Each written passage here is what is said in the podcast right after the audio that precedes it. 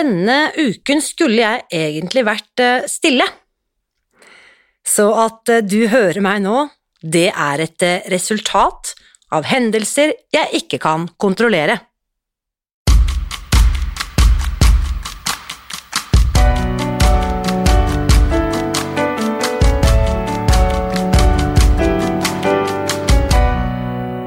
Mitt navn er Irina Li. Jeg er journalist og forlegger, gründer og sosialentreprenør. I 2015 spiste jeg meg fri fra overvekt og fedme etter å ha slitt med vekt, kropp og følelser i nesten 30 år. Etter at jeg fant oppskriften på å spise meg fri, ga jeg meg selv et nytt oppdrag å dele denne kunnskapen med alle som trenger det. I første sesong av denne podkasten deler jeg hele lydboken eh, Spis deg fri. Den finner du ved å bla deg tilbake til høsten 2019. Og hver uke inviterer jeg nå gjester som gir deg påfyll til hodet, hjertet og magen. For min visjon er å endre Helse-Norge, og det får jeg ikke til alene. Du kan bidra ved å abonnere på podkasten, skrive en omtale i iTunes og dele denne episoden med noen du bryr deg om. Da setter vi i gang med ukens episode. Har du noensinne vært omsluttet av stillhet? Og da snakker jeg om eh, nærmest total stillhet, hvor du ikke snakker med noen, samtaler eller kommuniserer med andre. Det var nemlig det jeg skulle fylle denne uken med. Åtte dager med stillhet. På et eh, vakkert sted her i Norge, langt utenfor storbyens eh, kjas og mas, og planen var å sette av tid til meg selv og min egen stillhet.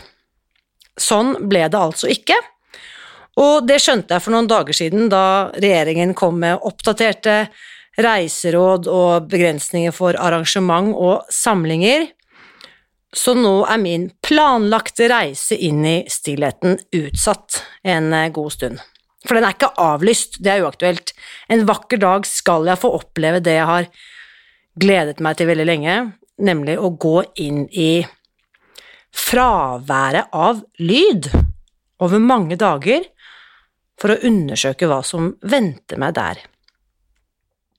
Å reise på sånne stille retreats, hvor det praktiseres stillhet gjennom flere døgn, eh, gjerne også kjent som vipassana, det er faktisk en av de eldste meditasjonsteknikkene vi kjenner fra India.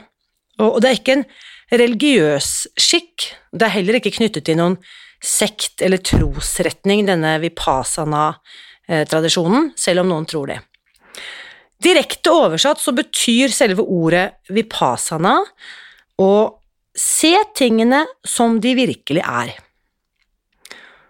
Og det sies da også at denne stille meditasjonen gjennom flere dager skal kunne kurere alle former for menneskelig lidelse, eh, ifølge dem som har videreført teknikkene frem til eh, i dag.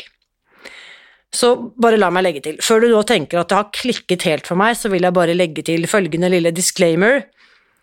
Yoga og andre teknikker for selvutvikling og livsutfoldelse, for å kalle det det, er gjerne basert på tradisjoner fra India og det fjerne Østen, hvor det ofte brukes et fargerikt språk og inneholder gjerne mange fagre løfter. Ifølge yogatradisjonen for eksempel, så skal det være mulig å forlenge livet hvis du forlenger utpustet. Og selv om du ikke nødvendigvis tror på disse påstandene, så vet jeg at veldig mange av disse teknikkene faktisk har noe for seg. Og da spør du kanskje hvordan kan, hvordan kan jeg vite det?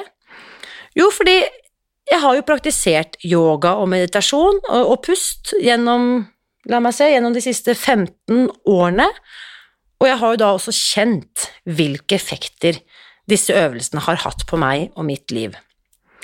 Så det har gjort at jeg har gått fra å ha kunnskap, teoretisk kunnskap om et felt, ved å lese om det eller høre om det i en podkast, til å erfare effektene selv.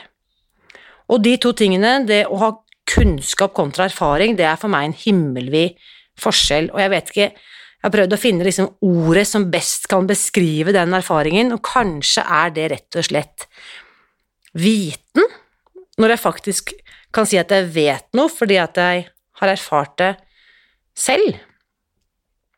Uansett hva jeg velger å kalle det, så er poenget at eh, påstanden, altså selv om påstanden om at vipassana skal kunne kurere alle former for menneskelig lidelse, den påstanden er kanskje litt drøy, så tenker jeg, i hvert fall for min egen del, at det er mulig eh, å være nysgjerrig på disse teknikkene uten å måtte tolke liksom, effekten helt eh, bokstavelig. Og jeg kjenner i hvert fall på en umiddelbar motstand, og jeg blir nesten litt redd bare ved tanken på å logge meg av alt som skjer i livet mitt, bare for å være stille eh, over lengre tid. For jeg har jo ikke peiling på hva som venter meg der, på den andre siden, når jeg bare er overlatt til meg selv og mine egne tanker. Jeg kan jo ikke vite om du som hører dette har erfaring med vipassana eller stille retreats eh, eller ikke, men for min egen del så har jeg da så vidt pirket borti disse teknikkene ved et par anledninger. Første gang det var vel ganske nøyaktig for eh, ti år siden. Da var jeg på reise i Sør-Korea, og i løpet av det oppholdet så sjekket jeg også inn på et buddhistisk eh, tempel, og der ble vi vekket klokken halv fire på morgenen for å gå sammen med da eh, de som bodde og jobbet i tempelet, eh, eller i dette eh, buddhisttempelet, opp til toppen av et fjell hvor det var et bitte lite tempel. Og der, der gikk vi da i stummende mørke, det var jo fortsatt midt på natten, og der inne så startet vi morgenen da, med to timer chanting og meditasjon, hvor vi ble oppmuntret til å sitte helt stille. Jeg husker at jeg var øh, følelsesløs, nærmest, helt uten blodsirkulasjon i hele nedre del av kroppen. Det var helt forferdelig vondt. Og så etter den seansen så ble vi ledet da i en stille, gående meditasjon ned fra fjellet, eh, og da var klokken kanskje halv seks eh, om morgenen, eller halv seks-seks, akkurat idet solen sto opp over fjellene. Altså, det var jo helt utrolig. Selvsagt da uten å si et ord. Eh, og så gjennom de fire neste dagene, da, så spiste jeg i stillhet, mediterte i stillhet, gikk i stillhet, og så gjennomførte vi også disse tradisjonelle 108 bukk til Buddha hver dag i stillhet. Men det var jo et litt annet opplegg, fordi eh, det var flere Jeg var ikke den eneste utlendingen, men det var flere andre utlendinger eller turister eller gjester på besøk i tempelet over disse dagene. I tillegg til da alle de lokale koreanerne som jobbet og studerte der. Så innimellom disse øvelsene så fikk vi jo tid til å snakke sammen og bli kjent og uh, Så selv om vi gjorde flere aktiviteter i stillhet, så fikk jeg liksom aldri helt fordypet meg skikkelig i, i denne stille opplevelsen. Uh, og så, noen år senere, da var vi vel kommet til 2017, da jeg tok yogalærerutdanningen her i, i, Oslo, da fikk jeg igjen da, noen nye drypp av stillhet. For i løpet av den utdanningen, som ja, den varte nesten over et helt år med samlinger eh, en gang i måneden, så i løpet av den sommeren da, eh, så ble vi invitert til eh, et kurssted i Värmland eh, som het Mariagården. Dette er et sånn utrolig nydelig sted, dypt inne i de svenske skogene. Eh, og i løpet av den sommeruken, da skulle vi eh, være helt stille i ett døgn. Og da snakker jeg faktisk totalt helt stille. Ikke bare det, vi skulle rett og slett ikke kommunisere. Så selv om vi ikke fikk snakke sammen, så skulle vi heller ikke se på hverandre eller anerkjenne hverandre gjennom blikk eller smil eller berøring. Eh, å skrive eller lese eller tegne var heller ikke tillatt, bortsett fra i noen korte sekvenser gjennom, eh, gjennom dagen. Og tanken var at gjennom dette stille døgnet så skulle jobben være å holde fokus på oss selv, jeg skulle vende blikket innover, kjenne etter, være til stede og observere. Og selv om jeg da hadde med meg den erfaringen fra det tempelet i, i Korea noen år tidligere, så hadde jeg liksom ikke forutsetning for å, å på en måte forberede meg på det som ventet meg, eh, eller hvordan det skulle oppleves. Eh, og det jeg erfarte da i, i Värmland, det var at det døgnet ble veldig annerledes enn alle de andre dagene jeg hadde vært med på frem til da. Eh, da den sommeren var jeg jo 41, da. Så jeg husker at morgenen, den gikk greit. Det første Vi begynte liksom stilledøgnet. Fra vi la oss den ene kvelden, så hele det påfølgende døgnet skulle vi være helt stille. Så morgenen gikk greit. Da liksom la beslaget Da la liksom rutinene med eh, rutinene eh, beslag på, på morgenen. Altså, da gikk man liksom fra dusj, og så var det frokost og tannpuss og sånn og sånn. Så da var det ikke så mye å tenke på, da var det bare å følge rutinen. Og så husker jeg at utover formiddagen så ble det fort, eh, ganske fort verre. Det var liksom som om en sånn slags ensomhet boblet opp, og jeg fikk faktisk nesten tilløp til eh, panikk, for det var sånn at når det var så øredøvende stille, denne tausheten, den virket nesten truende. Uh, og så var det da noen korte stunder i løpet av det døgnet hvor vi fikk lov til å skrive, eller vi fikk en skrive, skriveøvelse. Og så har jeg bladd i dagboken min da, fra, den, fra den uken, og da i et av de øyeblikkene så har jeg skrevet da, spørsmål til meg selv. Hvilken rolle skal jeg innta i dette ukjente landskapet? Spørsmålstegn. Og de andre som var med på den yogalærerutdanningen, um, bare damer for øvrig, um, frem til den dagen uh, så hadde jeg opplevd dette fellesskapet som veldig nærværende og støttende og betydningsfullt. Men akkurat nå, eh, i det stille døgnet, så føltes plutselig det fellesskapet nesten sånn klaustrofobisk. Eh, for det var nesten uutholdelig å ikke søke kontakt eh, med de andre. Og for meg var det, føltes det helt sånn naturstridig å sitte side om side ved det samme matbordet uten å snakke sammen. Det var som om liksom den ekstroverte delen av meg følte seg helt sånn fanget i et, i et fengsel av taushet. Og videre, da, i notatene fra den uken, så har jeg også skrevet I fravær av lyd og latter får jeg kontakt med tanker og følelser jeg sjelden berører. Hva er jeg hvis jeg ikke kan snakke, skrive eller uttrykke meg? Hvem er jeg hvis jeg ikke blir sett eller hørt? Og hvilken verdi har jeg hvis jeg ikke blir anerkjent? Og jeg husker at de tankene de slo seg ned i kroppen min og forplantet seg til et fysisk ubehag. Vi hadde riktignok en formiddagsøkt med yoga og meditasjon, men den hjalp egentlig ikke. Og det eneste jeg klarte å tenke, var at jeg måtte komme meg unna. Jeg måtte rett og slett bort fra de andre. Så det ble starten på en lang vandring og jeg gikk, altså helt fysisk, jeg gikk vekk fra fellesskapet på den gården der vi bodde, og så gikk jeg inn i skogen, langt inn i skogen. Uh, og det var nesten som om jeg gikk inn i meg selv. Og i starten, husker jeg, da var liksom skrittene helt sånn hektiske og litt sånn paniske, og blikket sammenbitt. Uh, og jeg hadde jo ikke peiling på hvor jeg skulle, jeg hadde aldri vært på dette stedet før, men jeg strenet bare videre i full fart, for jeg hadde en følelse at jeg bare ville komme meg bort, jeg måtte komme meg unna. Eh, og dette var jo da en varm sommerdag midt i juli, solen skinte, og kroppen ble varm etter hvert. Og så var det da eh, Hadde sikkert gått i en god stund, og da var det som om noe liksom åpnet seg. Jeg ble plutselig oppmerksom på pusten i brystkassen, og så oppdaget jeg at jeg kunne senke tempo. Og da jeg gjorde det, da skjedde det noe. Øynene og hele blikket mitt myknet. Og selv om jeg da hadde gått på denne landeveien et godt stykke, så var det som om jeg oppdaget omgivelsene mine på nytt.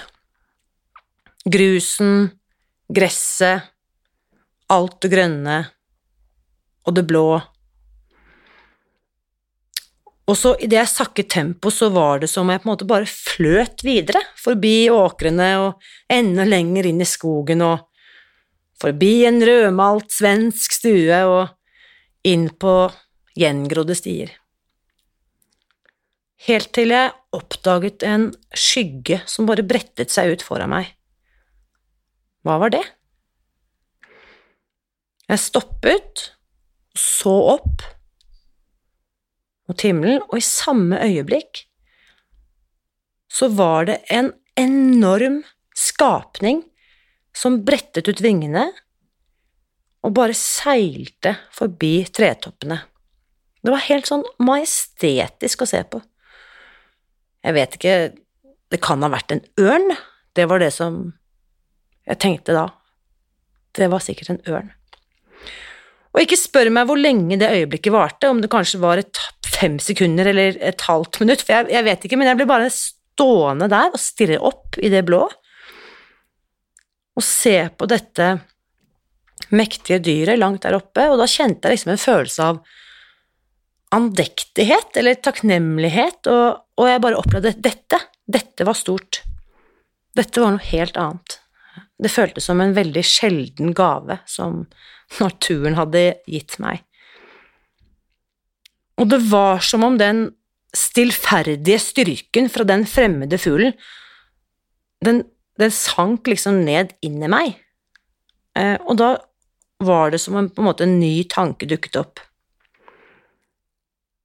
Det mektige rovdyret der oppe, det var ikke avhengig av mitt blikk for å kjenne seg verdifull eller vite om sine ferdigheter. Og da liksom lurte jeg på Kan jeg gi meg selv den samme tilliten? Her hvor jeg står, godt plantet med begge beina på den svenske skogsveien. Og akkurat da var det som om noe liksom inni meg brettet seg ut. Og når jeg da snudde og tok mitt neste skritt tilbake til Mariagården, da var det som om jeg var fylt med en følelse av letthet, selvtillit og tro. Det var nesten som om jeg også hadde begynt å fly. Og i løpet av den ettermiddagen så var det nesten som om, om jeg gikk inn for landing i meg selv. Og jeg har notert at jeg sovnet klokken 21 den kvelden, helt totalt utmattet av de utfordrende og mektige og stillferdige opplevelsene som jeg hadde vært med på. Og neste morgen da våknet jeg klokken fem, uthvilt, våken og klar. Eh, og på vei til badet så møtte jeg en av de andre kursdeltakerne, og da bare var det sånn God morgen! utbrøt jeg, og og det var så utrolig deilig å få slippe løs stemmen igjen. Jeg husker at det føltes helt sånn befriende. Og igjen, da, i dagboknotatene fra den uken, så, så skriver jeg Jeg kommer helt sikkert til å utforske, utforske stillheten igjen, men jeg blir nok aldri lydløs. så da eh, så, så videre har jeg skrevet, da Hva sitter jeg igjen med en liten uke senere? Det er som om stillheten, tilstedeværelsen og naturen har gitt meg ny innsikt som jeg ikke kunne ha lest eller diskutert meg frem til. Jeg ser meg selv, jeg hører meg selv, jeg er her og nå. Og disse dagbokskriveriene, dette er altså snart fire år siden til sommeren, eh, og denne uken eh, i januar denne siste uken i januar 2021 så var altså planen at jeg skulle vende tilbake til stillheten, ikke i ett døgn, men i åtte. Og så har jeg stilt meg selv spørsmålet da de siste dagene, hva kjenner jeg nå, nå som denne reisen er blitt utsatt? Og dette er litt flaut å innrømme, men jeg er faktisk litt lettet, for jeg vet ikke om jeg følte meg helt klar likevel. Jeg vet ikke om jeg var helt klar til å logge av alt det som skjer her ute i denne hektiske, store verdenen akkurat nå, for å logge på alt det som skjer på innsiden. Og nå som jeg liksom sier dette høyt, så hører jeg jo selv hvor bakvendt det lyder. Som om jeg igjen da hele tiden må snakke og skrive og skravle og bable for å bli hørt eller sett eller bekreftet, jeg vet ikke. Så da vil jeg at du skal vite dette. En vakker dag, når det plutselig er helt stille på denne podkasten, da skal du vite at da har jeg klart det. Da har jeg logget meg ut av virkeligheten og sjekket inn hos stillheten. En bitte liten stund. Og det syns jeg faktisk du også burde gjøre. Og apropos avlogging, eh, før jeg avslutter eh, ukens eh, episode, så vil jeg bare komme med en åh, dypt sukk, uforbeholden unnskyldning til alle dere som forsøkte å delta på webinaret eller melde dere på grunnkurs i forrige uke uten å lykkes. En liten stund så føltes det som om alt som kunne gå galt, gikk galt. Så hvis dette rammet deg, så vil jeg bare si unnskyld, jeg gjorde det virkelig ikke med vilje. Og etter at vi stengte påmeldingen til grunnkurset, så har jeg også fått spørsmål om det er mulig å melde seg på én-til-én-coaching med meg. Eh, og i utgangspunktet så er ikke det noe jeg eh, tilbyr. Det er faktisk ikke noe jeg ønsker å tilby heller, fordi grunnen er vitenskapen viser nemlig at det er vanskelig, for ikke å si umulig, å tilfriskne fra avhengighet på egen hånd.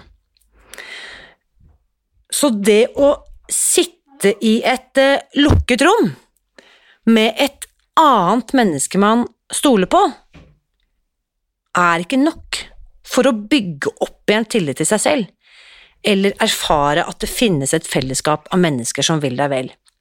For jeg har også størst tro på at jeg kan tilfriskne eh, best eller mest effektivt i en gruppe, sammen med andre mennesker som har erfart det samme som meg. For i en gruppe, da kan vi samtidig Eh, som jeg setter ord på det jeg selv har med meg inn, så kan jeg lytte til de andre og lære av andres eh, erfaringer. Og slik kan vi i fellesskap bygge denne kollektive kunnskapen som jeg er blitt så inderlig glad i. Og det er det jeg selv har best erfaring med, og som jeg oppmuntrer alle andre som også trenger hjelp, til å bli med på. Likevel, Gjennom de siste årene så har jeg skjønt at denne løsningen med, la oss si, kollektive grupper eller større fellesskap, det er faktisk ikke en løsning som passer for alle. Og det kan det være mange grunner til. Noen av de menneskene jeg har jobbet med, de, de sier at de har så liten tillit til andre mennesker at bare det å delta på et Zoom-møte med mange fremmede, det virker nesten retraumatiserende, for å bruke det ordet, uh, uansett hvor trygge eller kloke og gode de, de andre deltakerne på, på, det møtet måtte være. Eller uh, noen har også en posisjon eller en uh, stilling som gjør det vanskelig for dem å delta som privatperson i gåsehudene på et nettkurs. Og det har også vært flere på en måte i denne kategorien som har tatt kontakt med meg den siste tiden. Og til slutt så er det faktisk stadig flere eh, som faktisk av ulike grunner har valgt å logge av alle former for sosiale eh, medier eller nettbaserte studier. For de vet rett og slett, eller de har erfart, at de blir hekta hvis de blir med på et nettkurs eller deltar i en medlemsgruppe på Facebook og holder seg derfor klokelig unna. Så en del av disse eh, på en måte kategoriene her, da, mennesker i disse kategoriene, de har eh, begynt å ta kontakt eh, og meldt inn sine behov. Så nå har jeg på en måte innsett Jeg har gjort det så smått de siste par årene, men nå har jeg innsett at jeg faktisk må revurdere mine egne prinsipper. Fordi hvis det er snakk om enten så kan jeg tilby deg et nettkurs, eller så er det ingenting. Hvis du skal følge Spis deg fri, det blir litt for bastant.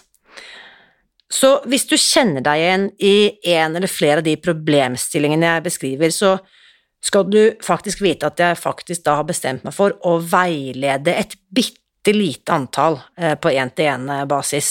Dette er ikke noe jeg kommer til å liksom noensinne tilby til mange mennesker, men jeg skal åpne opp muligheten. Eh, så hvis du kjenner at det er noe du har behov for, eh, eller vet at det er dette du trenger, så send meg en e-post på irina.krøllalfa.irinali.no. irinali.no. Og i neste uke da skal jeg snakke med Anne Marie, som nylig har meldt seg på grunnkurset. Hun har, eh, hun har spurt meg om litt hjelp, eh, og da foreslår jeg Vet du hva, jeg vil veldig gjerne veilede deg og gi deg noen eh, gode råd. Kan ikke vi gjøre det i denne podkasten? Slik at du også kan være med å dele dine erfaringer, som sikkert veldig mange andre vil ha nytte av. Så det har hun takket ja til, så i neste uke så skal jeg ta en prat med Anne Marie, og den episoden kommer altså neste søndag 31. januar 2021. Og har du hørt noe i dag i denne episoden eh, som har vært verdifullt for deg, så blir jeg kjempeglad hvis du vil legge igjen fem stjerner eller skrive en omtale i iTunes. Da bidrar du til at mange andre kan oppdage Spis deg fri-podkasten og høre alt det fantastiske vi snakker om her hver eneste uke. Eller bli med inn i den åpne Facebook-gruppen Spis deg fri hvor samtalen etter ukens stille samtale med meg selv eh, fortsetter eh, som vanlig. Helt til slutt, uansett hvor mye stillhet du velger å fylle på med denne uken, så vit at jeg heier på deg.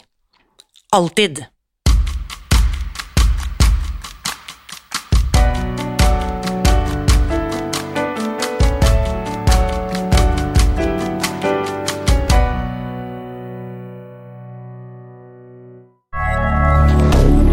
moderne media.